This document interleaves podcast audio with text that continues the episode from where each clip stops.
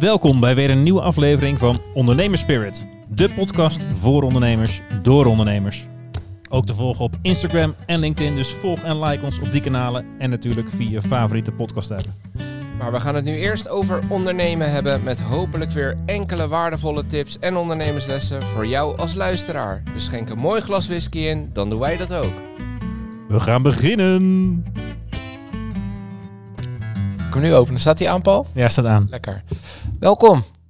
Gijs, we zijn eh, met z'n drieën nu. We hebben weer een gast en eh, we gaan het eh, over ondernemen hebben. En we trappen altijd af met een korte intro van een minuut. Dus wie ben je, wat doe je? En dan gaan we daarna over je glas praten, wat daarin zit. Nou, dan gaan we dat maar doen, hè? Ja, Ja. Nou, Gijs Boosten van Your Next Concepts. We zitten naast eh, Paul bij Dot Slash. En wij richten ons op het verbeteren van het onderwijs. Eh, niet zozeer door in het klaslokaal heel veel te doen, maar eigenlijk door onderwijsinstellingen te helpen om het onderwijs te organiseren. Nou, Van denk, 2028, toch? dat was ons laatste Ja. evenement. Ik denk dat we daar zo nog wel eh, naartoe gaan, inderdaad. En ik denk een van de onderwerpen die ondernemerschap altijd belangrijk maakt, is dat je je blijft ontwikkelen. En dat begint al steeds vroeger. Ook eh, bij het reguliere onderwijs, HBO, WO, MBO, dat studenten steeds meer keuzevrijheid hebben om zich uiteindelijk op te leiden tot iets wat relevant is. En niet een beroep uit het verleden, maar een beroep in de toekomst. En daar maken we allerlei mooie softwareoplossingen voor. nou dan eh, mooi binnen een minuut denk ik. En daar eh, hebben we genoeg om het. over te praten, want eh voor mij is er nog wat te winnen in het onderwijs. Zeker, Ja. zeker. Daar kan je nog een paar jaar mee vooruit. Eh, nou, voordat we het gaan doen, Ja. gaan we de whisky inschenken. Lekker. Ja? Ja, lekker. Hoppa. Want wat heb ik dit keer meegenomen? Het is wel een, een beetje een fles met een verhaal. Eh, want ik heb een tijdje terug eh, gezegd, ik ga nooit de Japanse whisky kopen. Want eh, die zijn overpriced. Ja. Maar deze had ik toen al. Oh, dan mag het. Ja, dan mag het. Dan mag het. Maar ik had hem eigenlijk ook ja, zelf Ik denk, ik geef hem weg. Hij is toch overpriced. ik geef Nou, hem weg. Ja, nou ja, wat het dus is. deze komt uit, het, uit de shop van het Whisky Festival in Den Haag. Eh, maar daar had ik eigenlijk een andere besteld die ik al had geproefd. En deze heb ik daar helemaal niet geproefd en ook niet besteld. Maar toen ik thuis kwam en de tas opende, zat deze fles erin. In plaats van degene die ik had gekocht. Dat hele verhaal heb ik gemist. Oh. Want daar ben Ja. ik wel bij geweest dan. Ja, daar ben je wel bij geweest, ja. Welke had je besteld dan? Ja, dat weet ik niet meer. Oh. Maar ik had een, in ieder geval een schot besteld. En dit ziet er niet als schots uit. Nee. Er staat ook Japanese blended whisky op. Dus dat, eh, Ja. dat is zeker niet wat ik besteld had. Maar ik had ze even gegoogeld. Ongeveer dezelfde price range. Dus ik dacht van, nou, prima. Ik ga er niet moeilijk over doen. Eh, dus eh, geen idee wat het is. Hij heet... Iemand wilde eh, die zooi kopen. Er zijn gewoon 15 man Ja. die zo'n fles mee hebben gekregen. En die krijg jij dus, eh Gijs. Vinden jullie dit slim ondernemerschap of niet? Ah, ja, ja. nou ja, ik, ik weet niet hoeveel marge er op deze fles of op die andere zit. Eh, dit is wel een kleinere fles dan die ander. Dus in die zin, eh, Toch dezelfde prijs. ja. ja dus Per dat, liter. Of is nee, dat nee. nog overprijsd? Dus. is als, ja, precies. Nog overpriced. Ja. Ehm, ja, je zal je afvragen, wat drinken we dan? Het is de Akashi Sherry Cask Finish. Van eh, een Japanse blend is dat. Eh, ik heb even opgezocht. Wie maakt dan? Nou, dat is de... Even kijken. Aigashima Distiller. Eh, vroeger heette die wat simpeler, namelijk White Oak. Dus ja, dat misschien voor de Japanse achterban.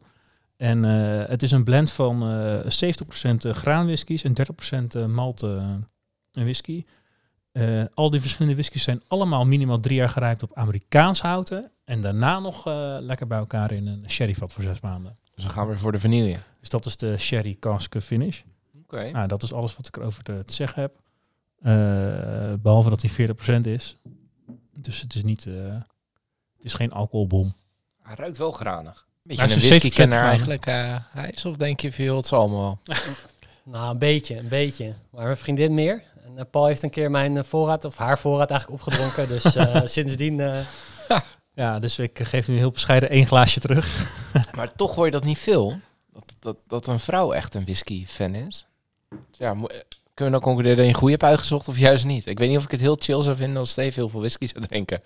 Nou, dan kan je lekker samen. Ja, ja toch? ze snapt misschien wel wat beter als je een dure fles koopt, maar je moet hem ook delen.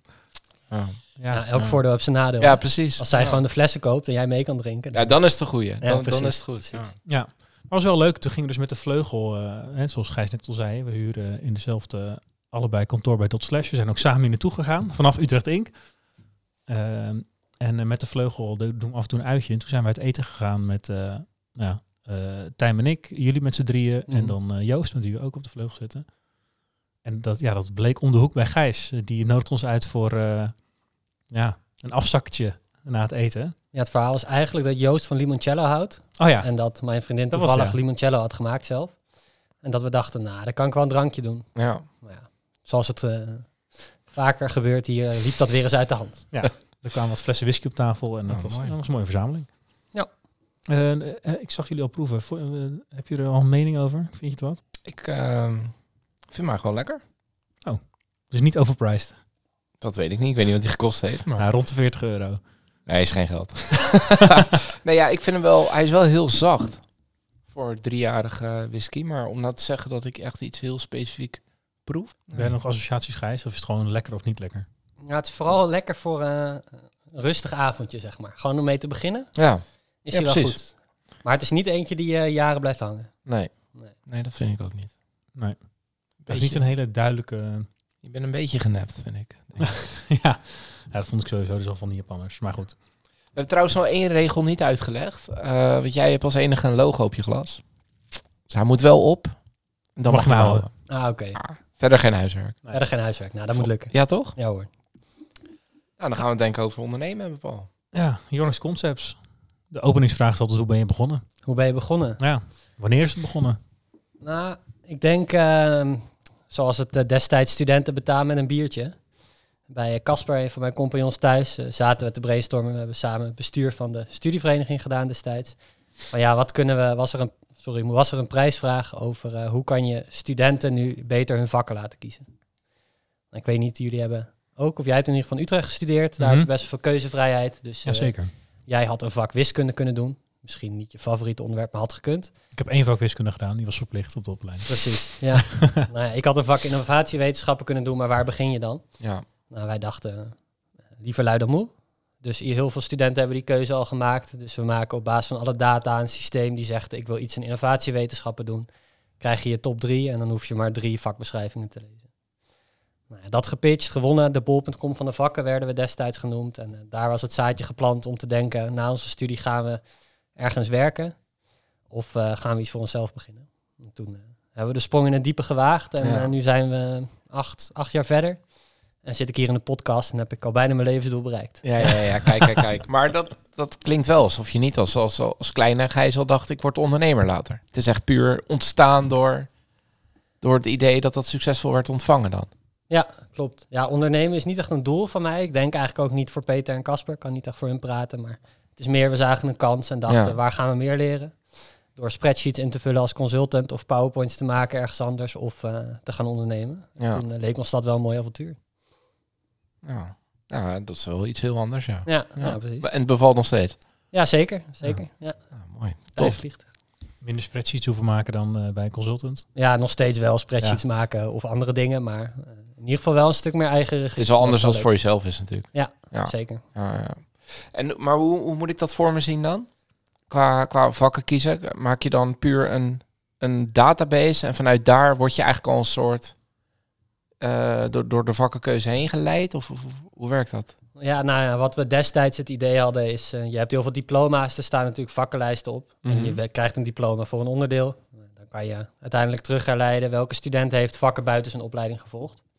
Nou ja, vervolgens kan je daar heel simpel een top drietje van maken, wat nog gegeven wordt. Of welk vak de opvolger is van het vak wat die heeft gevolgd. En dan eh, heb je een top drie, kan je daaruit kiezen. Ja, Nou, inmiddels zijn we acht jaar verder en zijn we bijna op het punt dat we dit ook kunnen. Dus eh, leek bedoel er je mak- kunnen? Dat, eh, dat je echt eh, die suggesties goed kan geven. dat we in de buurt komen van suggesties geven.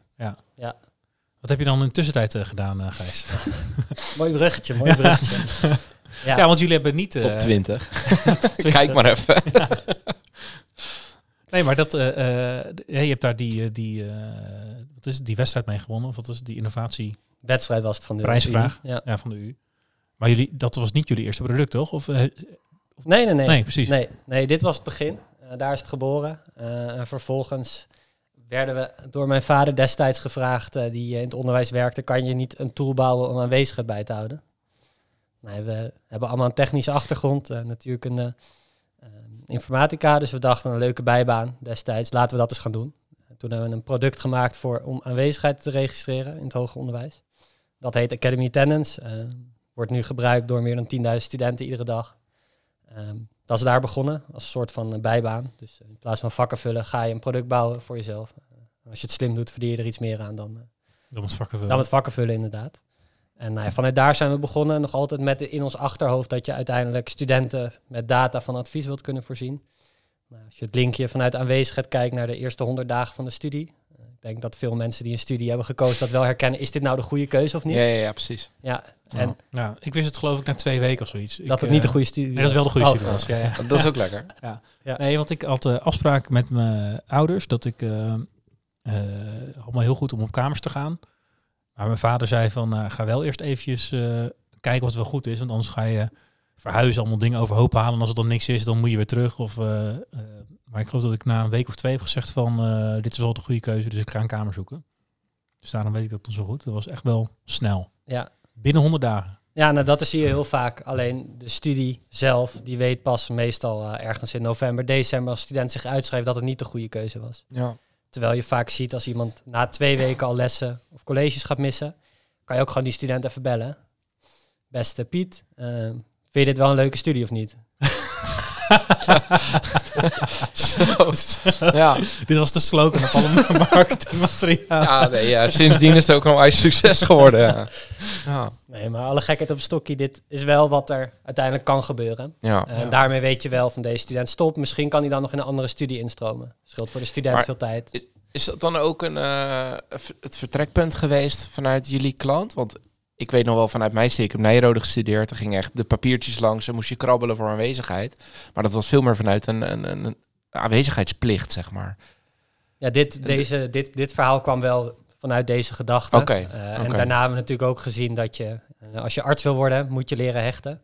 Eh, dan gaat ook die papieren krabbellijst rond. Of die Ja. ging rond tot wij langskwamen en nu gebeurt het allemaal digitaal. Ja, precies. Want ja, die krabbellijstjes moeten ook gedigitaliseerd worden. Ja. Eh, omdat je niet bij één les aanwezig bent, maar bij meerdere, meerdere docenten. Dus, eh, Studenten die voor elkaar aftekenen. precies, ja, Ja. dat zijn nog steeds de uitdagingen waar we vandaag ja, ook ik zijn. zeggen, dat zal nu Ja. misschien niet heel anders zijn, maar... Nee, nu hebben we verhalen dat ik geef me wel een tweede iPhone aan jou mee. En dan Ja. kan jij voor mij ook even inchecken. Ja, ja, ja, Ja. precies. Ja, ja, ja, ja.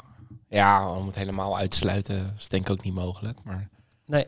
Nee, De vraag is ook of je dat moet willen, toch? Je kan misschien wel met heel veel dure technische snufjes dat helemaal perfect doen. Maar ja, als student... eh, als mijn arts echt. mij later wel hecht is, wel relaxed dat hij gewoon zijn lessen gevolgd heeft. eh.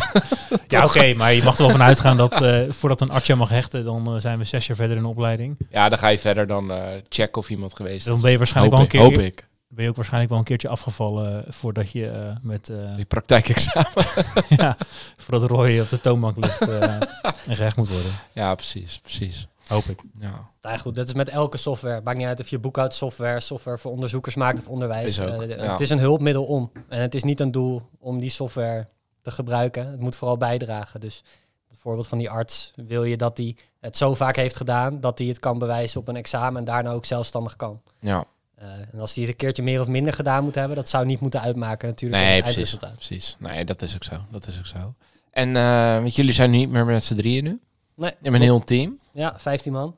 Nou, dan verandert er wel wat als, eh, als ondernemer. Dan ben je eh, wat minder bezig met alleen het eindproduct natuurlijk. Ja, van de cowboyfase naar de opschaalfase. Dat Ja. eh, vereist wel weer andere competenties, Ja. ook van ons. En hoe Ja. bevalt dat? Eh, goed. Eh, soms nog wel in de valkuil dat je denkt, ah, dat kan ik zelf nog wel even doen. Ja, Ja, en dan sta je weer gewoon, net zoals bij ons evenement laatst, pennen op boekjes te leggen. En dan denk je, oh, we zijn met meer. Is dit nu echt mijn beste tijdsbesteding? Ja. Dus En hoe eh, ga je daar dan mee om? Hoe eh, verdeel je dat? eh, of hoe, hoe hou je dat zelf in de gaten dat je niet te veel van die dingen zelf gaat doen? nou, ik denk, een van de moeilijkste dingen is loslaten. is ook zo'n cliché. ja. Eh, maar daar kom je in de praktijk wel weer achter. Eh, ik denk dat het belangrijk is om eh, allereerst eh, met de compagnons de taken goed te verdelen. En verder ook gewoon duidelijke afspraken te maken. Eh, loslaten is in mijn ogen heel erg gaan sturen op het proces. Welke checks wil je inbouwen? ja. Ehm, het liefst zoveel mogelijk vrijheid geven. Maar ja, die mensen moeten ook wel weten wat ze moeten doen. Eh willen daar ook over sparren. Dus het is vooral eh, een kwestie van het proces gaan inrichten. En daar op een andere manier naar kijken. En dat, Ja. eh, Is dat, een is dat een hobbelweg? Als ik kijk bij ons, is dat echt wel... Dat gaat echt wel met vallen en opstaan, dat loslaten. ja, zeker. Ik vind zeker. het echt wel lastig om te doen. Ja, ik vind het vooral heel erg een spiegel voor jezelf. Ja, als je het verkeerd doet, krijg je meteen een deksel op, op je neus. Ja, En dat heeft niet zoveel met de andere kant te maken. Ja, en dat, als je, Dat denk je de eerste keer wel. Ja. Totdat het twee, drie keer op dezelfde manier gebeurt, denk je, hé, hey, dat kan ook wel eens aan mij liggen. Precies, precies. Ja, en meestal heeft het ermee te maken dat, in ieder geval mijn ogen, dat ze niet de juiste tools aangereikt krijgen. Dat Ja. ze of onduidelijke beschrijving of nou, et cetera. Ja, je, doet, je doet je best, dat doet iedereen. Mhm. Alleen eh, het gaat niet altijd in één keer goed. Ja, maar in het begin is dat dus vooral heel erg wat je altijd zelf hebt gedaan, ga je een soort van standaardiseren ergens gecodeerd opslaan. En dan kunnen anderen er ook bij daarnaar kijken en daar een eigen draai aan geven. Ja, dat is wel, het is wel best wel interessant. Van wat ga je het eerste overdragen? Is dat waar je het beste in bent? Oftewel waar je het meest comfortabel bij voelt? Ja, Of zoek je mensen die beter zijn in andere dingen en zorg je dat zij bepaalde dingen gaan dragen? En ik merk dat dat nog wel de moeilijkste keuzes zijn. hoe heb je dat tot nu toe gedaan? Ehm, Is dat op basis van eh, wat je het leukste vindt, wat je het beste kan, waar eh, de hoogste nood is? Wat, eh, je kan heel veel dingen bedenken, denk ik. Klopt, zeker. Ehm, ik denk vanuit ons perspectief zijn we redelijk technisch begonnen. En dat is ook het proces wat we het eerste hebben gestandardiseerd. Dus we hebben een best wel groot ontwikkelteam, development team. Eh, en je merkt dat daar nu wel de stappen gezet worden dat mensen zelfstandig weten wat ze moeten doen. Kwaliteitsborging, et cetera. Maar dat, eh, daar zijn we begonnen omdat we ons daar het meest comfortabel voelen. Ehm, en bij sales is dat voor ons nog het meest zoeken, ook Ja. op dit moment. Eh, ja, een instelling, aanbestedingen, dit, dat. Ja, dat hebben we gewoon nog niet helemaal gestandardiseerd. Dus dan is het best wel moeilijk om over te dragen naar Ja. andere mensen. ja, misschien wel om volledig over te dragen, maar je kan natuurlijk wel zorgen dat je alleen nog maar in die eindfase nodig bent. Ja, klopt. Dat, eh, tenminste, als ik kijk naar hoe wij dat hebben gedaan, is dat eigenlijk op die manier. Dat je eh, het hele traject op zich kan je dan wel aan de mensen overlaten, maar je wil niet dat het de deur uitgaat zonder dat je er zelf naar gekeken hebt. Klopt. Dat, is een lastig stukje. Dat het met name. En we lopen nu bijvoorbeeld tegen implementaties aan. Eh, ik doe dit al acht jaar. Dus ik weet wel redelijk hoe en wat. Eh, en als iemand nieuw in een onderwijssector komt, of eigenlijk iedere sector, dan moet je ze wel vertellen hoe de sector werkt. Ze moeten daar kennis van hebben. Ja. Ja. En eh, dat is denk ik wel de uitdaging voor komend half jaar. Om te zorgen dat we dat documenteren over kunnen dragen. Zodat het team Ja. daar ook kan groeien. Is het, is het wel eens eh, door je hoofd geschoten eigenlijk? Want dit gaat heel erg uit van, wij hebben een bepaalde manier gevonden, dat gaan we standaardiseren en overdragen aan nieuwe mensen. Je zou ook kunnen zeggen, we nemen echt een enorme salesguru en die gaat voor ons dat proces vormgeven en dan gaan we ons schikken naar nou ja, de blueprint die zo iemand gaat maken, want die heeft al, weet ik veel, 20 jaar ervaring in het onderwijs. Eh, Dat dat is wel een goeie. Ik denk dat het ook een beetje met de mentaliteit van ondernemen te maken heeft. Dat wij wel types zijn die redelijk conservatief ondernemen. eh, in meerdere opzichten. En dat we eerst zelf het vertrouwen willen hebben dat we weten wat de weg voorwaarts is. Voordat we ook tegen iemand willen zeggen, dit kan je gaan doen. Ja. Maar ik denk dat dat ook wel iets is waar we zeker over nadenken. Van hoe kan je uiteindelijk meer ervaren personen in je team binnenhalen die extra kennis brengen. In plaats van meer doen wat je zelf al doet. Ja. Ja, want hoe is, hoe is dat teamproces dan, dan nu gegaan? Zeg maar, die twaalf mensen die erbij zijn gekomen.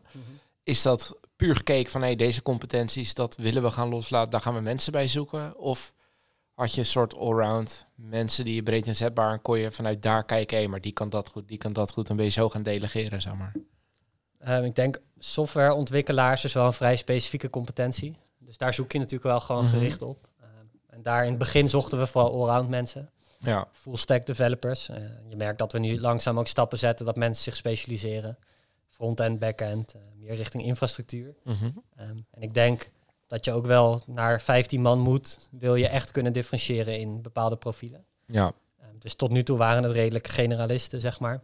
Eh, en nu zie je steeds meer dat de vacatures specifieker worden. We willen deze en deze ervaring, of we willen dat je hier en hier goed in bent.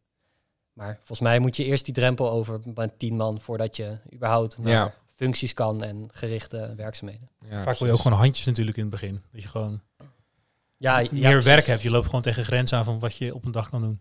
Ja, eh, uiteindelijk is Ja. eh, ondernemen ook een beetje opportunisme, toch? Als in het zullen jullie herkennen, je denkt, dit kunnen wij wel. Ik heb het nog nooit gedaan, maar kom wel Ja. goed. Ja. En dan op een gegeven moment win je drie, drie tenders. En dan denk je, oei, hoe gaan we het En- eigenlijk en doen? nu, ja. En nu? ja, nee, ja, dat, eh, dat, Ja, dat is wel specifiek die tenders. goed, ja. Wij hebben niet, hebben wij dat nooit gedaan? En we hebben één keer aan een tender meegedaan. Mhm. Maar die was ook voor ons geschreven, we waren ook de enige indiener. dus, dat, eh, dus dat is niet echt, ja, ja Regelt Duitsers hè? onderling, Duitsers. Nee, ja, dat, nee, dat, dat mocht niet. Ja. Voelt Eh, een beetje als werkverschaffing. Nou, eh. zo voelde het zeker, ja. ja, Maar hè, dat Lullig is voor als je dan niet wint. eh, ja. Maar voor jullie is dat een strategie geweest, toch? Om echt op tenders eh, in te zetten en dan daarna te kijken van hoe, je- hoe je dit dan precies gaat, eh, gaat doen. Ja, strategie en noodzaak. Eh, ik denk als je aan semi-overheidsinstanties levert, zit je aan de aanbestedingsgrenzen. Ja. Eh, ik denk dat het wel een tip is voor iedere ondernemer die daarmee wil beginnen. Verdiep je daar in ieder geval een beetje in en weet welke deal sizes je kan halen zonder en welke met. Ja, dan moet je op een gegeven moment wel. En Ja. ja, het lastige, nu het voordeel, toen het nadeel is, je moet wel een partij hebben die het aandurft. Ja. Eh, ga maar eens een Europese aanbesteding met een looptijd van 18 jaar gunnen aan een partij met eh, acht man. ja. Ja.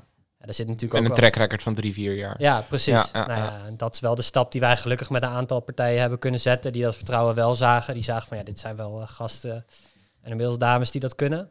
Ehm, en nu zie je gewoon dat je die referentie een stuk makkelijker kan overleggen. Maar Ja. ja, die, die eerste hobbel is wel een, eh, een uitdaging. Maar het voordeel is wel dat als je hem dan wint, heb je ook gelijk een, eh, stuk omzetzekerheid voor de komende jaren. Ja. Dus je kan wel heel goed, hè, wij hebben dat gesprek ook wel eens gehad, Paul, dat het voor jullie lastiger is om in te schatten wat wordt straks om, omdat je hele lange aanlooptijden hebt, et cetera. Maar dat is bij jullie dan natuurlijk wel heel gunstig, dat als die eenmaal valt, weet je wel, eh, vijf jaar of acht jaar dat je, dat je welke omzet je hebt, welk werk. Zeker, ja, dat is wel dat is het voordeel van een tender. Het is wel een beetje alles of niks. Ja, ja Dus- dat is waar. Ja, Ja, het is Eh, gewoon of je hebt een miljoen erbij of je hebt nul erbij. of niet. Ja, Ja, ja. klopt. En dan verspreid over een aantal jaar. Misschien over- En je moet groeien. Je kan mensen moeilijk een achtjarig dienstverband aanbieden. Stel je Ja. verliest daarna twee tenders die je niet weet in te vullen op een andere manier. Zit je toch met een stukje overcapaciteit. Nou is dat nu een utopie denk ik eh, als vandaag de dag. Maar Ja, klopt. Eh, ik denk eh, eerst is het binnenkomen natuurlijk. Eh, ja. Dat is de uitdaging. Eh, en vervolgens, in ieder geval dat vinden wij, en ik denk dat ik, ik vind dat persoonlijk ook heel leuk om na te denken van hoe kunnen we zo goed mogelijk de dienstverlening leveren. Zodat ze uiteindelijk ook bij een vervolgtraject na die acht jaar ook niet meer iets anders zouden willen. nee, precies. Eh, ja, dan ben je nog steeds aan de grillen van de aanbesteding eh, overgeleverd. Maar. Ja. de kans is natuurlijk groter als ze uiteindelijk het aansluit bij wat ze zoeken, dat de volgende tender wel in dezelfde lijn wordt doorgezet en dat ze niet een andere Ja. koers kiezen. Ja, want je zit natuurlijk al een beetje met dat momentum. Want je hebt of je wint je tender en denk je, oh shit, nu moeten we wel de mensen voor vinden om het te doen. Je kan ook moeilijk zeggen, oké, we nemen er zes aan. En dan maar hopen dat je die tender wint. Want ja, dat, dat zeker omdat je net zei, we zijn redelijk conser- conservatief met ondernemen. En dan zou je dat laatste niet zo snel doen, denk ik. Nee, ja, precies. Dus dat loopt altijd dat stuk spanning van ja, kunnen we het wel invulling gaan geven? Ja. Lijkt mij best lastig. Dat is lastig. Het voordeel van de sector is wel dat de implementatietijden bij ons, omdat het over hele grote organisaties Ja. gaat, vaak redelijk lang zijn. Ja, precies. Dus het moment van winnen en het moment van het werk doen heb je vaak wel nog een aantal, in ieder geval dat hebben we afgelopen jaar ervaren, een aantal maanden de tijd dat je die capaciteit kan regelen. Ja, Eh, en ik denk dat eh, uiteindelijk eh, ZZP'ers daar ook uitkomst kunnen bieden ja, voor ons. Als we een projectleider zoeken, willen we dat het liefst zelf invullen, maar lukt het niet, zou je ook, zijn ook te overziene periodes. Dan maak je er natuurlijk geen winst op, dan maak je er eerder verlies op, maar dan kan je wel zorgen dat die implementatie goed gaat en de Ja, jaren precies. daarna hopelijk eh, Ja. terugverdienen daarop. ja, precies. Maar dan is in ieder geval het traject zelf is gewoon goed gegaan. Ja. ja. Want hoe doen jullie dat nu? Zorgen dat je je mensen binnenboren. We hebben het laatst over employer branding gehad. Ja, software developers die kunnen volgens mij overal terecht. Klopt. Dus waarom gaan ze naar jullie en niet naar de buurman? Dat is Ja, de buurman zit hier. En nu gewoon eerlijk. ja. Eh, ja, dit is wel iets waar we afgelopen jaar best wel druk mee zijn geweest. ja, Ehm, ik denk dat wij op dit moment niet heel erg geloven in recruiters die mensen plaatsen. Ehm, omdat ik denk dat een kleine organisatie misschien niet de allerbeste eerste primaire arbeidsvoorwaarden biedt. Ehm, maar ik denk wel heel veel secundaire goede arbeidsvoorwaarden. En ik geloof uiteindelijk in niet zo'n hele grote organisatie dat vooral de match belangrijk is. En dat Ja. wil je uitdragen. Eh, denk aan de standaard dingen als een jobs website, et cetera. Maar we hebben nu ook een office manager die zich ook eh, veel richt op recruitment. Dus hoe kan je vanuit een rol in een organisatie mensen scouten is toch anders dan als je wordt benaderd door een headhunter of een recruiter. Ik eh, heb eh, tien vacatures voor je. ja, Eh, en ik denk wat ons interessant maakt is dat in het managementteam allemaal mensen zitten met technische kennis.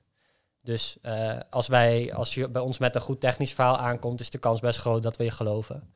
En ik merk bij veel andere organisaties waar gewoon veel salesmensen het voor het zeggen hebben, dus een salesgeleide organisatie, ja. Dan is het oké, eh, deadline dan, maakt niet uit hoe succes. Eh, ja, dat is niet hoe wij werken. Dat komt ook wel over, merk je in een sollicitatiegesprek. Ja, en ik denk wel, tenminste, dat was, dat was bij ons in die, in, die, in die fase zo. Dat je, je hebt mensen wel net even meer te bieden, omdat je ze ook A tot Z trajecten kan laten doen. Ja, En vaak denk ik tenminste, dat als je een hele grote organisatie hebt, dan doe je een, een plukje van een project. In plaats van dat je het project doet. Ja, zeker. En dat is vaak wel een, een, een argument om, om toch voor een kleinere organisatie te kiezen.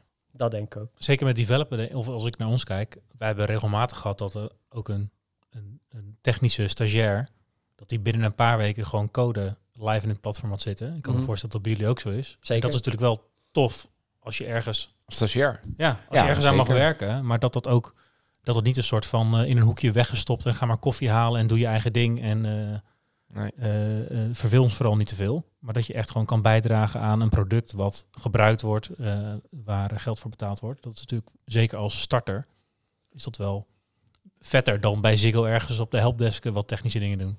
Ja, ik denk ander, andersom ook. Eh, als jij op vakantie bent, merk je ook, of als er mensen op vakantie zijn, merk je ook dat het minder snel gaat. Ja. Dus jouw impact wordt wel heel direct duidelijk in de output, eh Ja. et cetera. Dus ja, dat is denk ik het leuke van een kleine organisatie.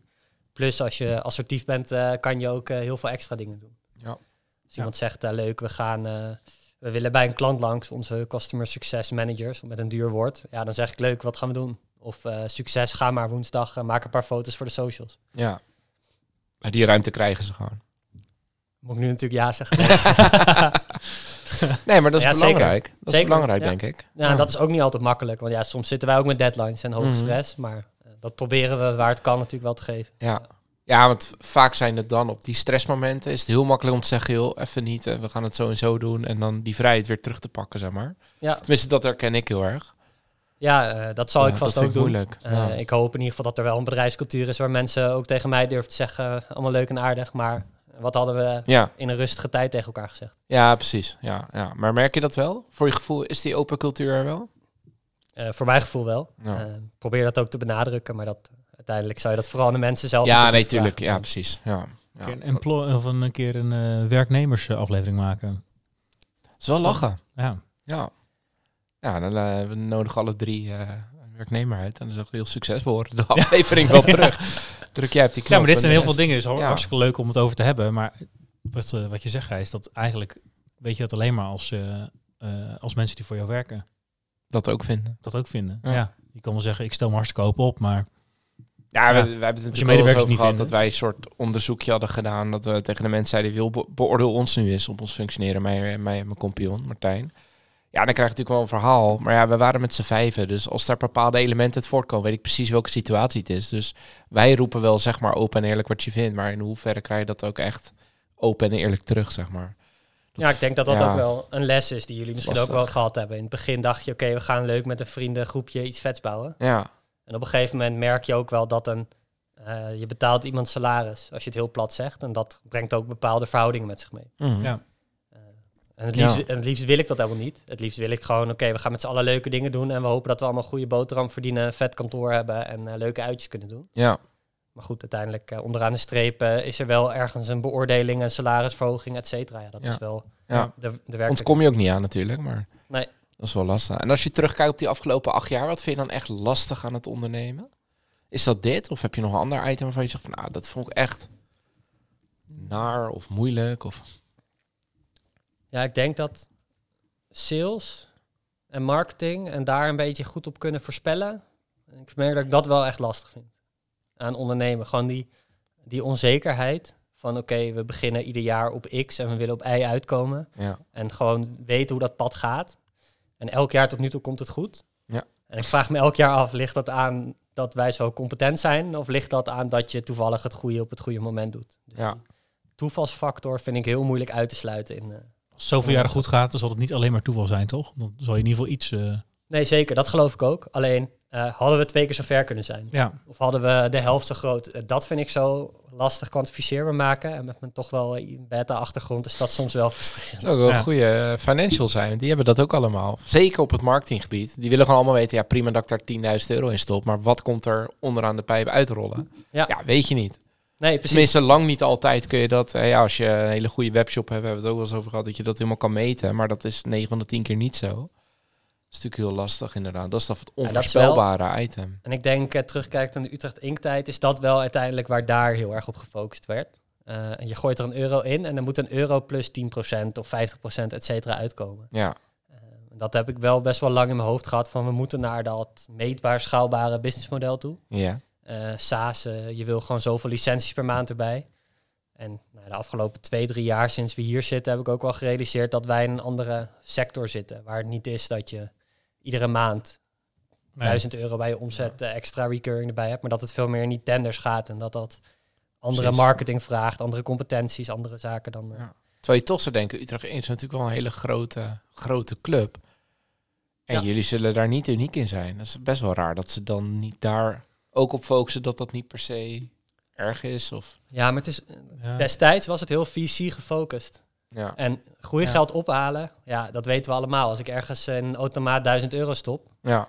dan wil ik het liefst wel dat er 2.000, 3.000 euro terugkomt. Ja, ja, ja, precies. Eh, en dat is de hele focus van het. nou, er was in ieder geval destijds ja. voor mij het gevoel dat, dat, zo veel, dat daar veel de nadruk op lag. Zeker niet alleen hoor. Eh, alleen ja, als je heel erg in die mindset zit, Ja, dan zoek je andere dingen dan die per se nodig zijn voor een bedrijf. Ik geloof in een bedrijf zonder investeerders dat die ook heel ver kan komen. En misschien Zeker. wel op lange termijn waardevoller zijn voor de samenleving dan als je heel groot wordt, heel snel met heel veel geld, maar helemaal geen winst maakt. Want ja, op een gegeven moment onderaan de streep rekent dat ook niet rond. nou ja, dat is ook zo. Dat zie je nu natuurlijk ook nu dat ja, de gratis geldperiode een beetje over is. Hebben heel veel tech-startups het moeilijk. Ja. Die zijn natuurlijk gewend aan, eh, ja, het kon niet op, zeg maar. Ja, Ja, hoe- en nu ineens moeten ze na gaan denken over omzet en kostprijs en verhoudingen. En, De vraag is ook wat we als succesvolle bedrijven willen zien. En dat is de afgelopen jaren altijd geweest degene die veel geld ophaalden. ja, de, Maar dat de zijn- groeigeldbedrijven. Maar dat zijn heel vaak bedrijven die helemaal niet zo heel veel toevoegen. Maar naar, wel een lekker verhaal hadden. jij wil naar de flitsbezorgers toe, hè? Nou, die vallen er zeker onder. nou, die Nee, willen maar niet dat is wel zo. maar Dat is wel vaak eh, de bedrijven die veel geld ophaalden, die kwamen in het nieuws. En terwijl ze misschien helemaal geen, eh, geen goede business eh, casus hebben. Nee, maar gewoon de, ja, zoveel gratis geld en de fear of missing out bij de VC's. Dat heeft wel tot heel veel eh, lucht in eh, heel veel eh, in die techsector eh, gezorgd. Nou, eigenlijk is het wel eens interessant om het, het zonder geld ophalen een bedrijf beginnen, om dat model gewoon eens eh, ook uit te tekenen en als tegenhanger Ja. van het andere. Want er zitten ook echt wel voordelen aan. Ja, Als tuurlijk. in, Ja. Vind ik wel. Je kan gewoon je eigen keuzes maken. Je bent echt aan het ondernemen in Ja. plaats van dat je met je investeerders aan het onderhandelen bent. Ja. Ja. Ja, Ja, dat, zeker. dat is zeker waar. Dat is zeker Hoe is waar. dat over onderhandelen? Dat uh, triggert. We hebben volgens mij, wij hebben allebei, eh, zijn we een bedrijf gestart met één iemand anders. Dus met twee, twee founders. Ja. De meeste gasten die we hebben gehad zijn volgens mij ook met, of alleen of met z'n tweeën. Maar jullie zijn met z'n drieën. Dat zorgt ook voor een andere dynamiek. Ja, Hoe- zeker. Hoe is dat? eh, Er altijd eentje ja, uitknippen. nou, nou, bij ons is het altijd, we moeten het er samen over eens zijn. We moeten Ja. een weg vinden. Ja, linksom of rechtsom. we gaan- gaan- Ja. we moeten samen een vorm vinden dat we het eens Klopt. zijn. Maar met z'n drieën heb je opeens de optie van, nou, ja, als twee van de drie het mee eens zijn, dan doen we het. Klopt. Hoe zijn jullie daarmee omgegaan?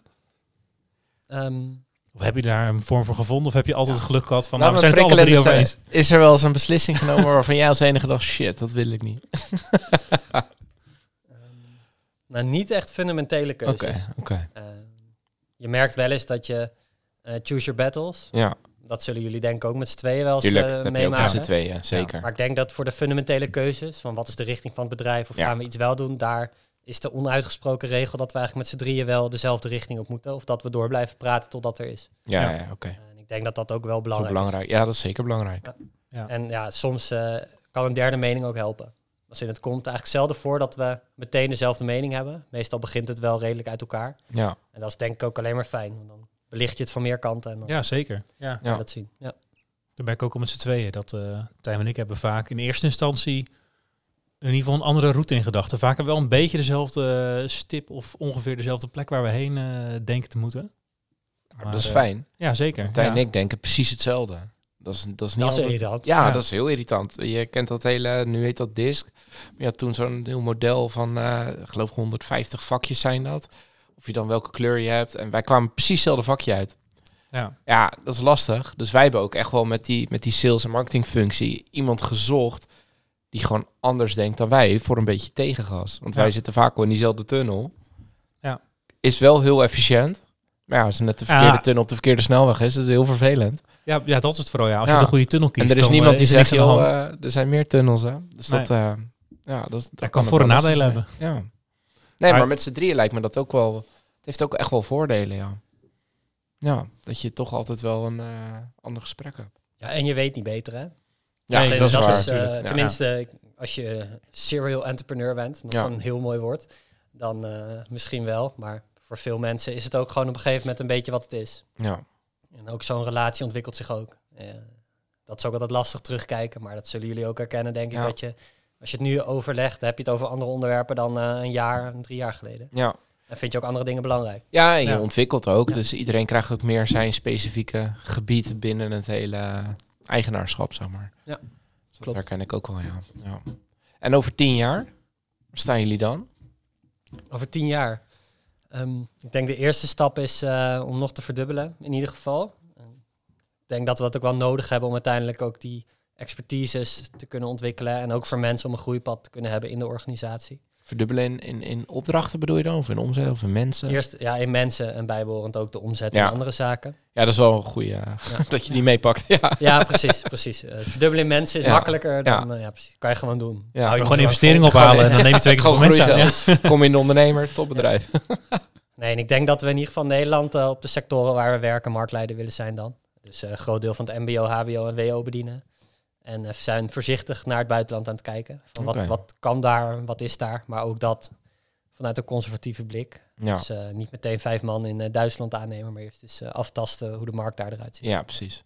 En wel specifiek binnen het onderwijs alleen. Want Ik kan me best voorstellen dat er meerdere sectoren zijn die hier echt wel behoefte aan hebben.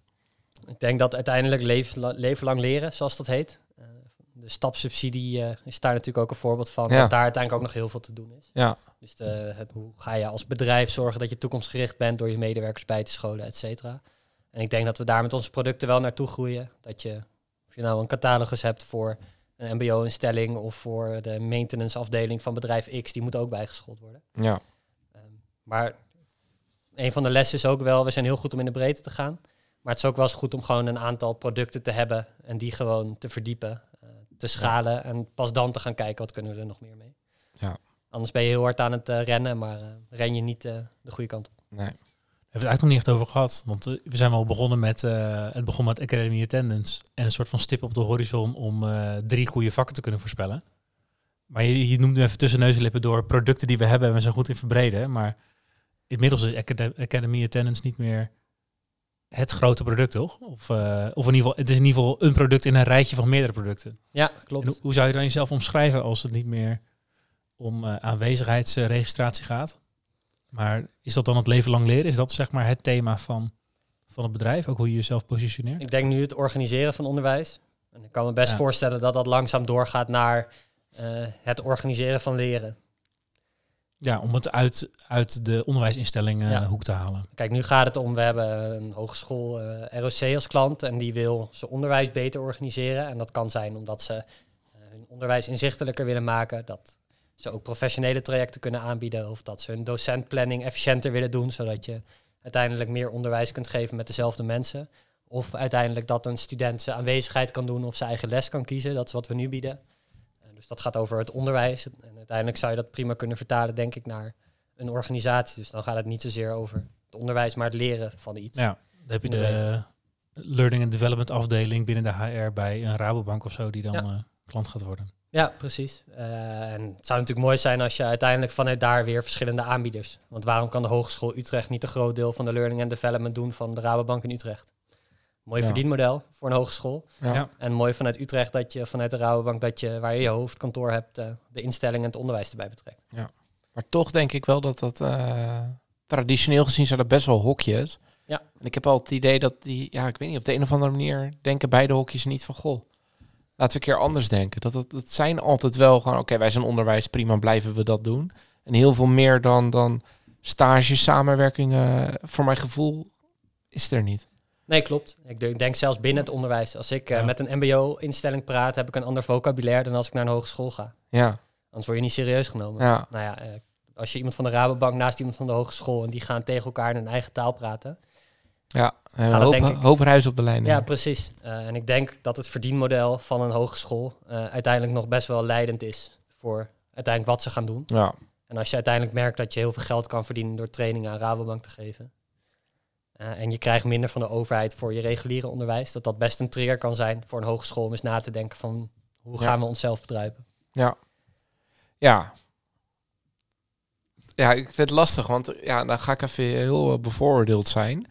Maar mijn gevoel is altijd dat, dat bij dat soort instellingen mensen zitten die, eh, hoe zeg ik dat, netjes, gewend zijn aan, aan gratis geld, aan geld krijgen. Dus die zijn niet ondernemend om, om hun eigen broek op te houden, zeg maar. Snap je wat ik bedoel? Of ben ik de enige met deze mening? eh? Doodse stilte hier. Beetje ongemakkelijk. eh, Nee, mijn nee. glas is leeg. eh. Ja. Help, help, help. nee, maar dat Nou ja, is mijn, mijn, mijn. Ja, ervaring is dat, dat, dat mensen dat gewend zijn. En dan, eh, ook in mijn vakgebied werken vaak met stichtingen. Er zijn hele andere gesprekken dan met ondernemers. Omdat ze gewoon, ze zijn gewend om geld te krijgen, zeg maar. Ja, dat Dus komt ook omdat ze niet altijd inzicht hebben in. Mm, ja, En, en ook, eh, uiteindelijk hebben zij ook doelstellingen. En als die doelstellingen nu gericht zijn om een student in vier jaar naar de eindstreep te trekken, Ja. ja, dan gaan ze zich daarop richten. ja, En als uiteindelijk de doelstelling is om 100 studenten van buiten het bekostigde deel te halen, ja. geloof ik ook dat heel veel mensen daar wel zich mee bezig gaan houden. Ja. Nou, we hebben ook al gezien, toch? De laatst toch hele discussie geweest dat eh, meer onderwijs in het Nederlands moet aan universiteiten. Ja. Want er zijn te veel buitenlandse studenten ge, eh, binnengehaald. Dat was eigenlijk jarenlang beleid, meer buitenlandse studenten, want dat is een goede cash cow.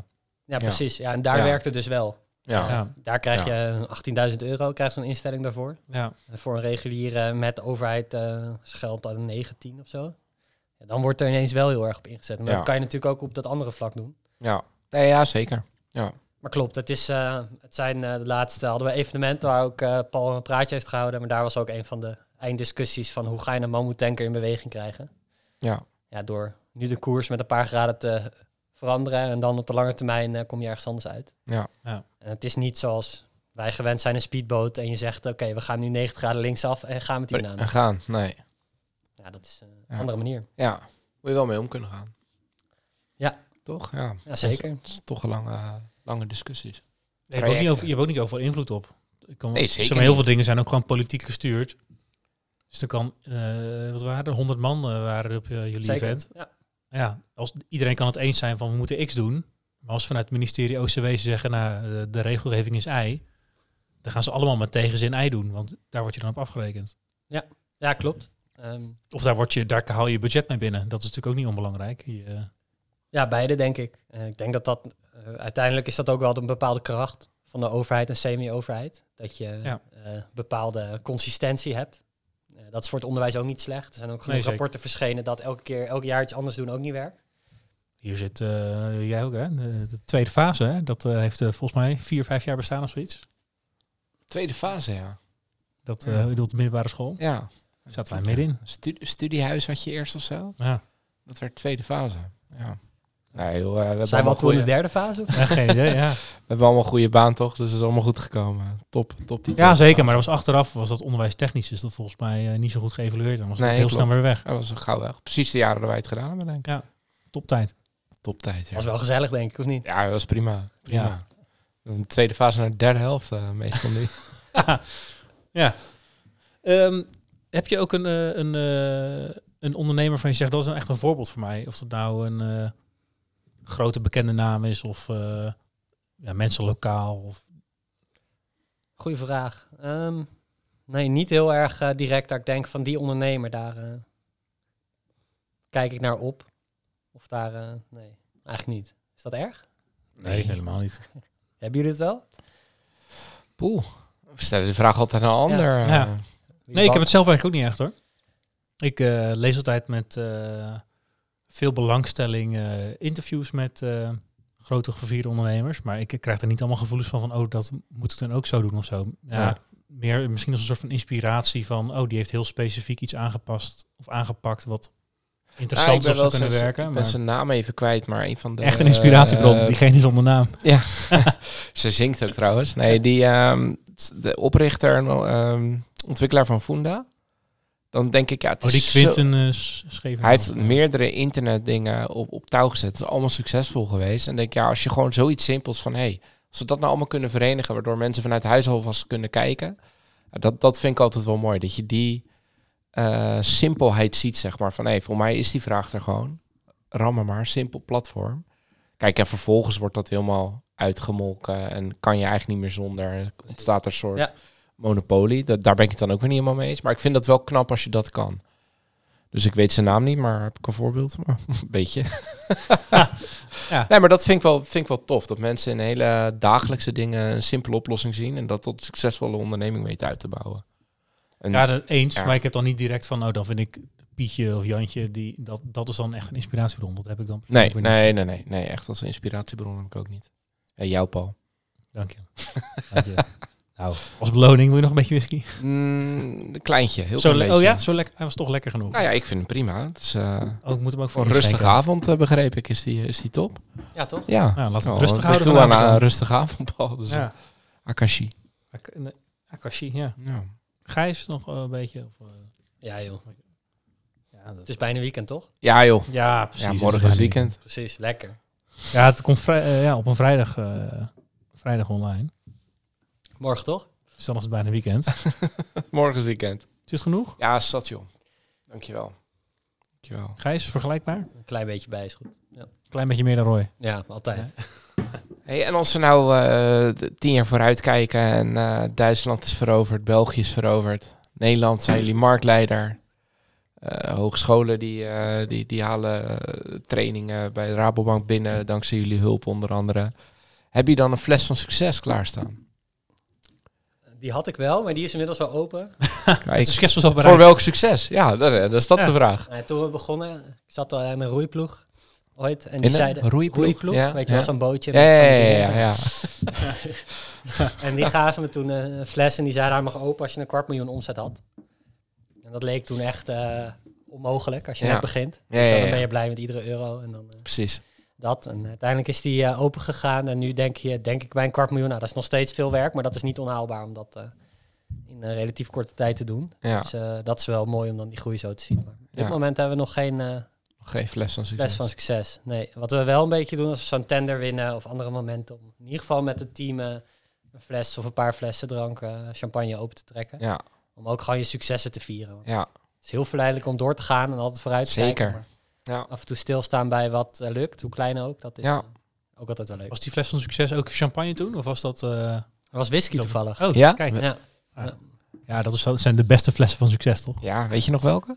Glenlivet, denk ik. Ja, Maar ik weet niet precies welke. ja die, hebben, die hebben er ook wel een paar. precies. Glenlivet. Ja, Die hebben er Ja. echt heel veel. die blauwe, denk ik. Dan weten jullie welke het is, hè? Ja, ja, ja. Ja. ja. ja, ja. 12 volgens mij in blauw. Founders Lichtblauw. Reserve? Ik weet het niet meer. Ja, zoiets. Ja.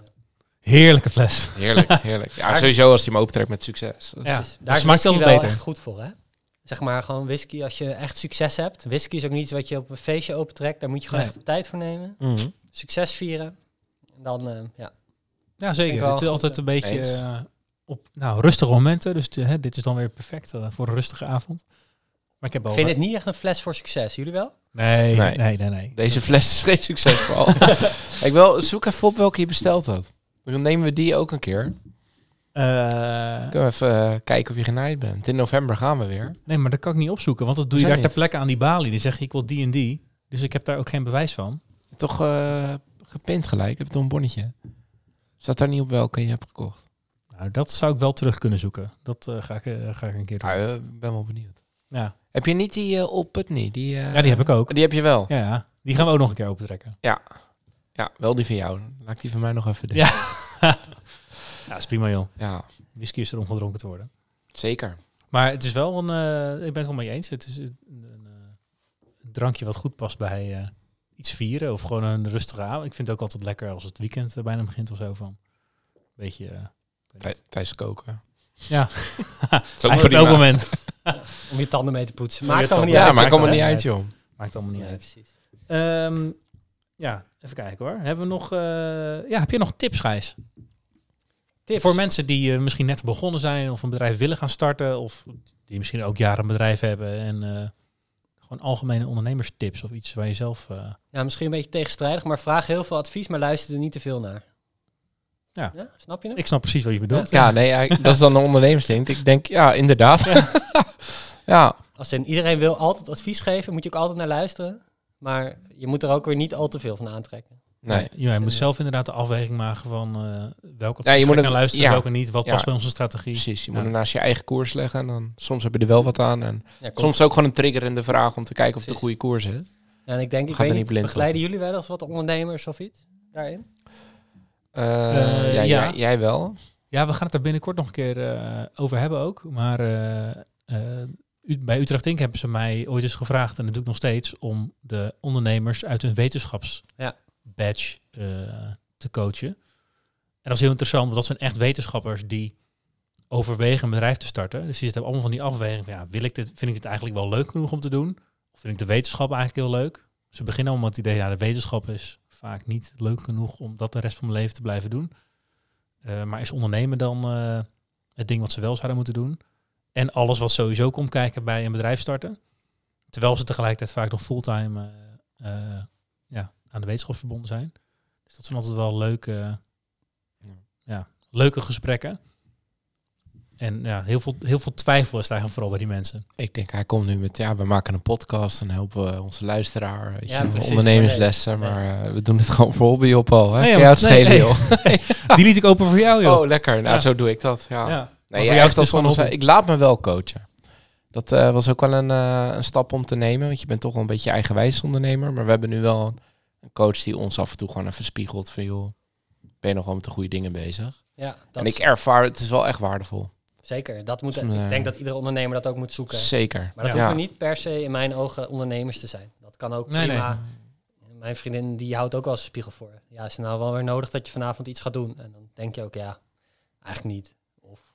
Ja, het kan ook gewoon een, eh, een gesprek zijn over hoe wil je je leven invullen of hoe wil je de week invullen. Ja, je kan er 80 uur per week ermee bezig zijn, maar precies. ja, misschien eh, wordt het niet heel veel minder succesvol door 40 uur te werken en dan die andere 40 uur te besteden aan eh, Ja. ja, dingen Even- met familie of vrienden te doen. ja, precies. Ja. precies. En ik denk een andere tip. Start een ondernemer. Verjaardagsfeestjes. Na corona kan het weer. Echt de ideale manier om je pitch te oefenen. ja. Ik vind het, dan Ja, vraag die je, wat doe je? Nee, die hebben we nog niet gehoord. Nee. Dan, dan wat doe je eigenlijk? Nou, en dan heb je wel weer gewoon een moment om in 20, 30 minuten gewoon je elevator pitch te oefenen. En in Ja, het begin 20, dacht 30 iedereen- minuten.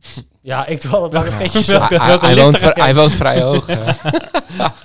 Secondes. Ja, ja. Nee, maar ik denk dat wel, dat is wel een moment. En je, je ziet Nee, ook wel ja, aan de reacties vaak van... eh, Ik snap het. Of, ja. ja. precies. En ik Ja. denk dat is ook wel een manier om je verhaal eh, te fine-tunen. Ook voor het publiek wat je in principe eh, niks van je verwacht. ja. Maar als je het goed doet, dan denken ze wel, oh. En dan is de reactie altijd, oh wat knap, je bent ondernemer. Ja. Ja. Ja, ja, ja, Ja, die, onder, ja, die reactie eh vaak had. Ja. Nou, misschien kunnen wij nog even een pitch oefenen op Gijs, eh, Roy. Ja, doe even. Ja. Namelijk, eh 24 maart gaan we hier... Zo, ik hier echt niet waar je naartoe wilde, man. Ja, ik wel zenuwachtig hier. Ja, Ik zag het. je. Ja. Hè, je vindt het lekker om af en toe een beetje whisky te drinken. Maar je zei ook al, mijn vriendin is eigenlijk meer de, de kenner. Dus je, er is nog ruimte om te leren. Ah. Eh, en eh, nou wel toeval dat 24 maart eh, hebben wij die mogelijkheid voor jou om meer te leren over whisky drinken. En hoe het gemaakt wordt, hoe je kan proeven, ruiken. En het is ook nog eens heel makkelijk dichtbij. Want het is gewoon op de begane grond van dit gebouw. En dat is de Ondernemerspirit Whiskyproeverij, 24 maart. Vijf uur middags beginnen. Het is een vrijdag. Tot 7 uur. En daarna kan je aansluitend eh, lekker hier eh, nog een pizzatje halen uit, eh, uit het restaurant. Dus kijk straks vooral van je agenda en geef je op. Zeker, hoeveel aanmeldingen hebben jullie al? Eh poeh, eh, 15 of zo? Ja, zoiets. Ja, er is moet- plek voor maximaal 40. Ja, dus jullie hebben al gewoon 32 aanmeldingen. Ja. Ja. Ja. Ja, precies. Nou ja, tegen de tijd Mogen dat dit wij ook stukjes wel. knippen of niet? en editen? Het is bijna vol. Er zijn al drie Ja. plekken vrij. Ja. Dus Gijs, Ja. er snel bij. Ja. En ik weet trouwens nog wel een manier om eh, 40% korting te krijgen als zakelijk event. Oh, vertel. Ja, dus dan eh, bespaar je belasting erop. Ja. Dat is helemaal top. Ik bel je, ja? Ja, is goed, is goed. Gaan we hiermee afsluiten? Zeker. Ja, spreek volgende week weer, denk ik. Zeker, gaan we doen. Gijs, dankjewel voor je tijd. Cheers. Nog En, iets eh, waar je op terug wil komen? Of eh, Nee, denk durf niet. je het aan je kompions te laten luisteren? Dat sowieso niet. Maar Nee. niet uit. zit wel een slotje op voor iedereen die met IP-adres van Jonas Ja, Ja, precies. Ze zijn toch druk met andere dingen. Ja, Ja, daarom. ja. Komt goed. Dank voor je tijd. En jij, eh, tot volgende week. Tot man. volgende week. Ciao, ciao. Dankjewel voor het luisteren naar weer een aflevering van Ondernemerspirit, de podcast. Hopelijk vol met wijze ondernemerslessen en natuurlijk inspiratie voor schitterende whiskies. Volg ons op Insta als je dit vaker wil en subscribe natuurlijk eh, op Spotify. En help ons eh, zo aan een grotere fanbase. En eh, ja, dat wij meer ondernemers en whiskyliefhebbers kunnen inspireren met onze mooie verhalen samen met een gast. Tot de volgende keer. Tot de volgende keer.